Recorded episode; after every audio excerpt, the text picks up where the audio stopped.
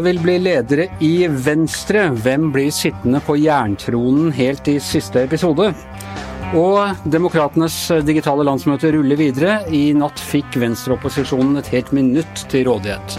Dette er Giæver og gjengen. Det er onsdag den 19. august. Og ikke hvilken som helst eh, utgave av eh, denne podkasten, men rett og slett podkast nummer 600. Velkommen til dere, Per Olav Ødegaard og Tone Sofie Aglen.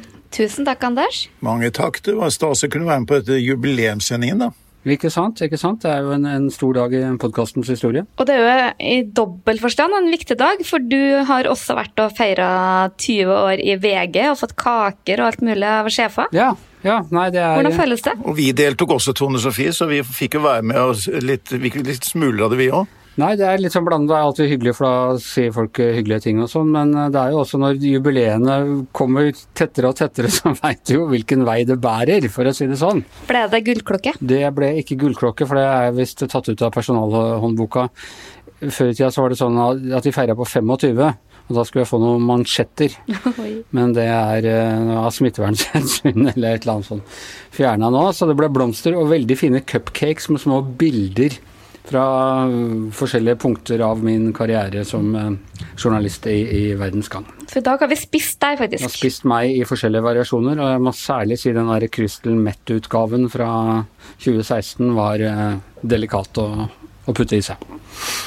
Eh, nok om det. Eh, ja, Tone Sofie. Eh, Venstre, Norges minste parti, og de som klarer å generere kanskje aller mest eh, oppmerksomhet. Ja, eh, du får nok Venstre på nakken hvis du sier minsteparti, for eh, det finnes vel de som er mindre. Men de som er best på oppmerksomhet Ja, Norges Kommunistparti hadde jeg glemt nå, da ble vel de fornærma også. Ja, og KrF var 0,1% under i valget, og det er de veldig opptatt av.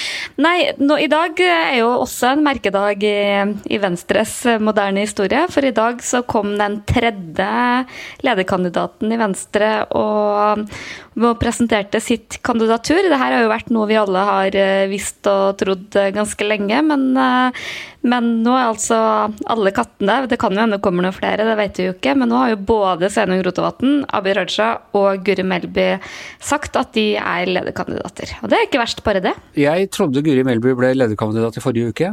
Nei, det ble jo altså ikke. Hun har vært ganske hemmelighetsfull. Jeg tror litt av det som har utløst hvorfor hun kom i dag på Facebook, var at Uh, I går så hadde jo NRK en, en, en, sånn type avsløring med anonyme kilder, hvor de eh, erfarer at Guri Melby ønsker å bli lederkandidat, men hun har stilt krav om at skal hun bli leder, så vil hun ikke ha med seg Abid Raja som nestleder. Og og, og, det var en sak som er ganske eksplosiv uh, for uh, Guri Melby. For det som i hvert fall er litt snakkisen i partiet, er at hun liksom kan seile opp som en sånn slags kompromisskandidat. Men uh, det er ikke bra for henne hvis det blir hengende i at hun kommer med den type ultimate krav som utelukker andre. Det vil få andre deler av partiet til å, til å begynne å boble. Har hun bekrefta eller avkrefta at dette er et krav fra henne? Sånn jeg har forstått det, så hevder hun at det ikke er sånn, men at det er Eh, her er andre kilder igjen, her er bare anonyme kilder enn det jeg kom med nå.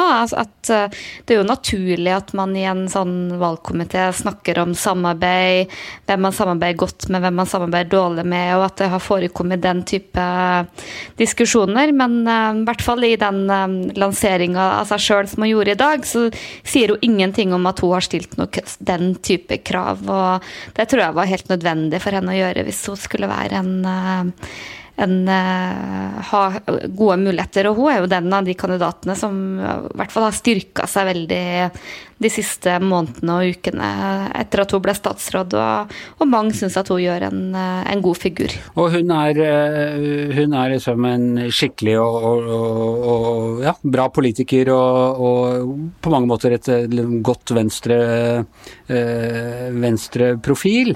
Og så har du Sveinung Rotevatn, som er litt den unge ideologiske eh, liberalisten. Og så har du Abid Raja, som er en eh, oppmerksomhetsmaskin, og som kanskje har vel så god støtte utenfor partiet som inne i partiet. Hvem tror du ligger best an til å få jobben? Jeg tror nok at eh, for eh, fem måneder siden så ville ikke jeg vært i tvil om at eh, Sveinung Rotevatn står sterkest. Han er, er jo veldig markant i Venstre. Har hatt en ganske sånn stor heiagjeng i mange år. Særdeles ideologisk. Veldig mange kvaliteter. Ingen som betviler den kompetansen han har. Hans svakhet er at han er ikke, han er ikke spesielt eh, god på det her med å få veldig mye oppmerksomhet, og, og heller ikke en sånn ekstra, ekstravert vesen. Så det, det, er liksom det som blir litt sånn hans svakhet, som gjerne blir liksom sånn den helt andre ytterkanten, som er Abid Raja. Jeg tror ikke han har noen mulighet uh, til å bli venstreleder. Abid Raja eller Abid, Jo, Rotevatn tror jeg fortsatt har en god mulighet. Uh, Abid Raja tror jeg ikke hadde vært uravstemning i Venstre hvor alle medlemmene skulle få sagt sitt, så ser du ikke bort fra det. Men jeg tror han er for kontroversiell i, i uh, store deler av partiet. I hvert fall det deler av partiet som er, har tillitsverv og er nær makt makta som har jobba med han, nettopp fordi han blir oppfatta som uberegnelig, vet ikke helt hvor du har den. Eh, vi hadde jo en sak i VG i fjor som handla om at de som samarbeidet med han i finanskomiteen, hadde ikke helt tillit til han og trakk inn de parlamentariske lederne. Det er litt for mange sånne historier på han, men at han er den som er desidert best i stand til å få oppmerksomhet og har en voldsom appell hos folk, så er det ingen tvil om. Men heller ikke noe ideologisk hvor han står ideologisk. Jeg tror det er nesten ingen som vet det. Jeg vet ikke om han helt vet det sjøl heller. Så har du Guri Melby som uh, Eh, som har jo liksom kommet som en litt sånn komet på slutten, er jo trønder, da. Du sa jo at du er et ordentlig menneske. Da, da skjønner jo alle at da er jo det. Eh, og, jeg ønsker at det blir flere og flere trøndere. Er det noe sånn demografisk på gang? Det gjelder alle samfunnsforhold? Det kommer jo til sin rett, da, vet du. Eh, nei, så hun har jo for mange i offentligheten vært ganske ubeskrevet, og ble jo veldig synlig som kunnskapsminister. Eh, min opplevelse er at hun og Sveinung Rotevatn egentlig ganske like politisk. opplevde opplevd at eh, hun har vært en støttespiller til han, at de har samarbeidet godt. og Ikke, ikke det helt store forskjellene mellom de to. Litt sånn annen type. Eh, kanskje litt mer utadvendt, og har jo visst at hun er veldig god til å eh, kommunisere. Og jeg ser at i hvert fall nå så prøver hun å profilere seg som en litt mer sånn samlende og liksom være midt imellom eh, de to. Så er jo litt sånn spørsmålet, tror jeg, i den valgkomiteen om Uh, om, om Rotevatn oppleves som samlende nok, eller om man ønsker Guri Melby. Men da er det selvfølgelig en sånn tredje faktor man, man nå altså er redd for, er om hvis de, de folkene som liker enten Guri Melby eller Sveinung Rotevatn, hvis man liksom begynner å få den sprekk laget på de, at man da gjør at den delen av partiet som eh, liker Abid Raja, faktisk kan vinne med en sånn type eh, splitt og hersk. Da. Så det Men er, er, det sånn at det er panikk i venstreledelsen for at Abid Raja skal bli leder? Ja, jeg tror at eh, dersom Abid Raja hadde blitt leder i Venstre, så tror jeg at det hadde vært uh, panikk uh, i deler av partiet. Uh, fordi man ikke helt Eh, vet eh, hva man får. Og, men ikke det breie laget av Venstre der, der, nede og sånn. Jeg hører Han har jo brukt sommeren på å reise rundt.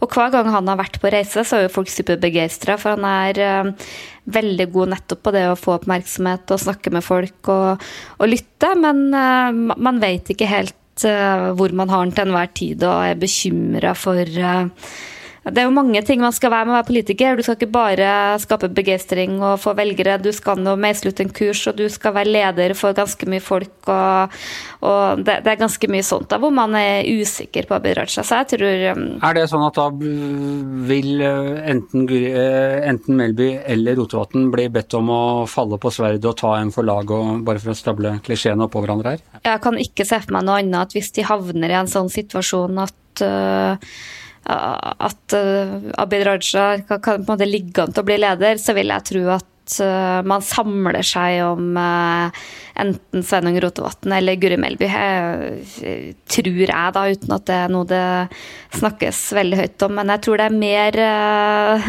uh, samling mot han da enn det er for, for at, ja, at, de skal på en måte vinne med hver sin kandidat. Men det er ganske uoversiktlig nå. Har... Når skal dette avgjøres? ja, Landsmøtet er jo Vi vet jo fortsatt ikke helt hvordan det blir. Det er i siste helga i september. Eh, eh, så skal eh, valgkomiteen, som ikke klarte å bli enig sist, de skal møtes igjen til helga. Har vel en ambisjon om å få landa noen ting, men det er vel neste fredag som er liksom den siste fristen for når de må levere fra seg en innstilling. Og det som jo er spenningsmomentet nå, det er om, om valgkomiteen klarer å levere en samla innstilling, eller om de legger opp til at det blir dissenser og et flertall og et mindretall, og i verste fall om det er tre kandidater. Men det, det, tror jeg ikke de tør. Jeg tror de ønsker å ha litt kontroll. Er det flere som kan kaste seg på nå i uh, siste svingen? ja, Iselin Nybø har jo hele tida vært uh, det, det, inntrykket jeg har, er at hun har uh, sagt til, uh, til, valgkomiteen at hun uh, selvfølgelig stiller seg til disposisjon for partiet. Jeg tror ikke hun har voldsomt sånn, høye ambisjoner på egne vegne. Kanskje mest opptatt av å holde partiet samla og ikke minst gjøre den jobben hun har gjort i regjering. Og så vet vi jo at både Ola Elvestuen og Terje Breivik har stilt seg til disposisjon, men jeg blir jo veldig overraska om enden på visa blir at Ola Elvestuen blir ny Venstre-leder. Men hvem vet? Holde, ha et sterkt ønske om å holde partiet samla, det høres ut som en ganske god kvalifikasjon, spør meg, hvis jeg bare skal se sånn nøytralt på det fra utsiden. Absolutt, men uh, så må vi heller ikke glemme hvordan det gikk sist. Det var jo nettopp det som var ambisjonen når de eh, kjørte en ny ledertrio med Trine Skei Grande, Sveinung Rotevatn og Abid Raja. Den var jo enstemmig, og den varte vel hvor mange dager den varte før det havarerte ganske spektakulært. Så jeg syns kanskje mange i Venstre er litt for opptatt av det å, å prøve å framstå samla. Kanskje kan det være sunt for det partiet å få en ordentlig debatt både om eh, hvem de trenger til å lede partiet, og ikke minst hvilken retning partiet skal gå. Og de kan jo alltid dele seg i to, det har de gjort før. Eh, og bli til Det liberale folkepartiet kontra Venstre igjen, det husker jeg de gjorde mens foreldra mine var med i sin tid. Eh, et annet litt større parti eh, som har landsmøte for tiden, og hvor i hvert fall enigheten om lederkandidat er ganske unison, det er Demokratenes parti i USA. Landsmøtet pågår i disse dager. Vi sier i Wisconsin, men egentlig foregår det i cyberspace.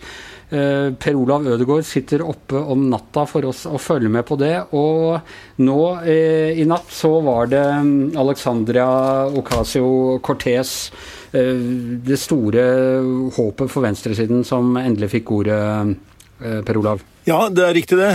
Hun fikk ordet. Hun hadde fått ett minutt til disposisjon, og brukte vel 90 sekunder.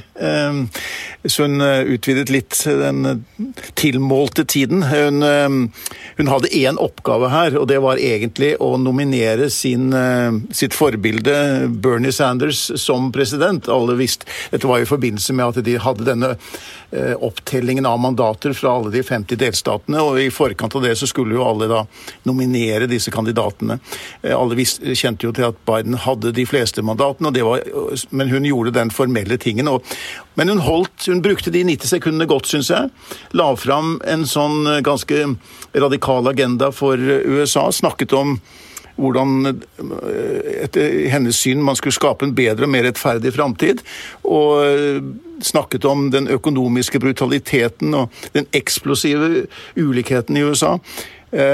Og målbærer jo da på en måte den venstresiden, en ung Eh, radikal venstreside i det eh, demokratiske parti, som har fått større gjennomslag de siste to årene. Hun ble jo selv valgt inn i Representantenes hus for to år siden, i mellomvalget.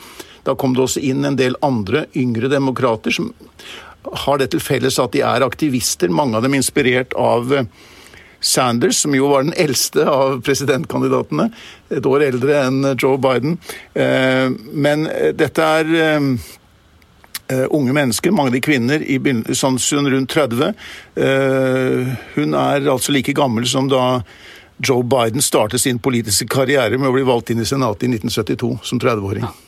Det, er jo, det sier jo litt om hvor gammel han er. 1972. Det, er, det var mens George Wallace altså, var presidentkandidat, og, og Richard Nixon, så, så, det er lenge siden.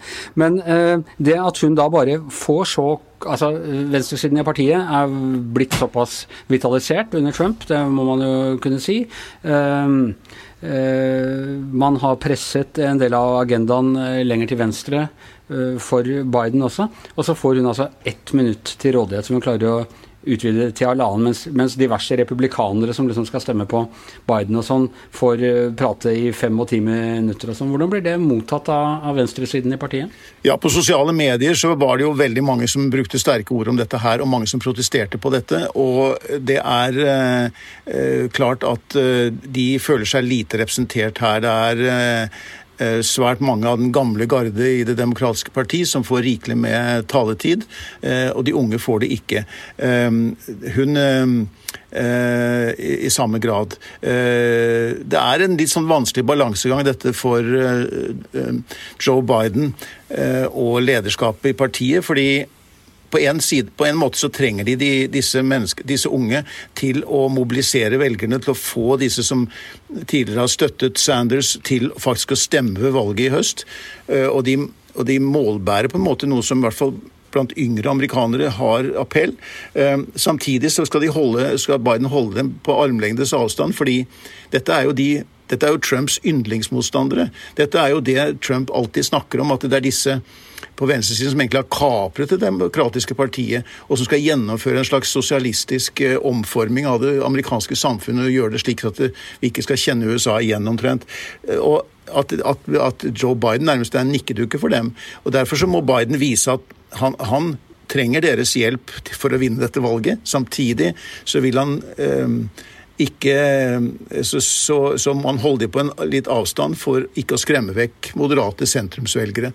Og i valgkampen så eh, var det jo mange av kandidatene som gikk inn for ganske radikale forslag, som et offentlig helsevesen, gratis altså college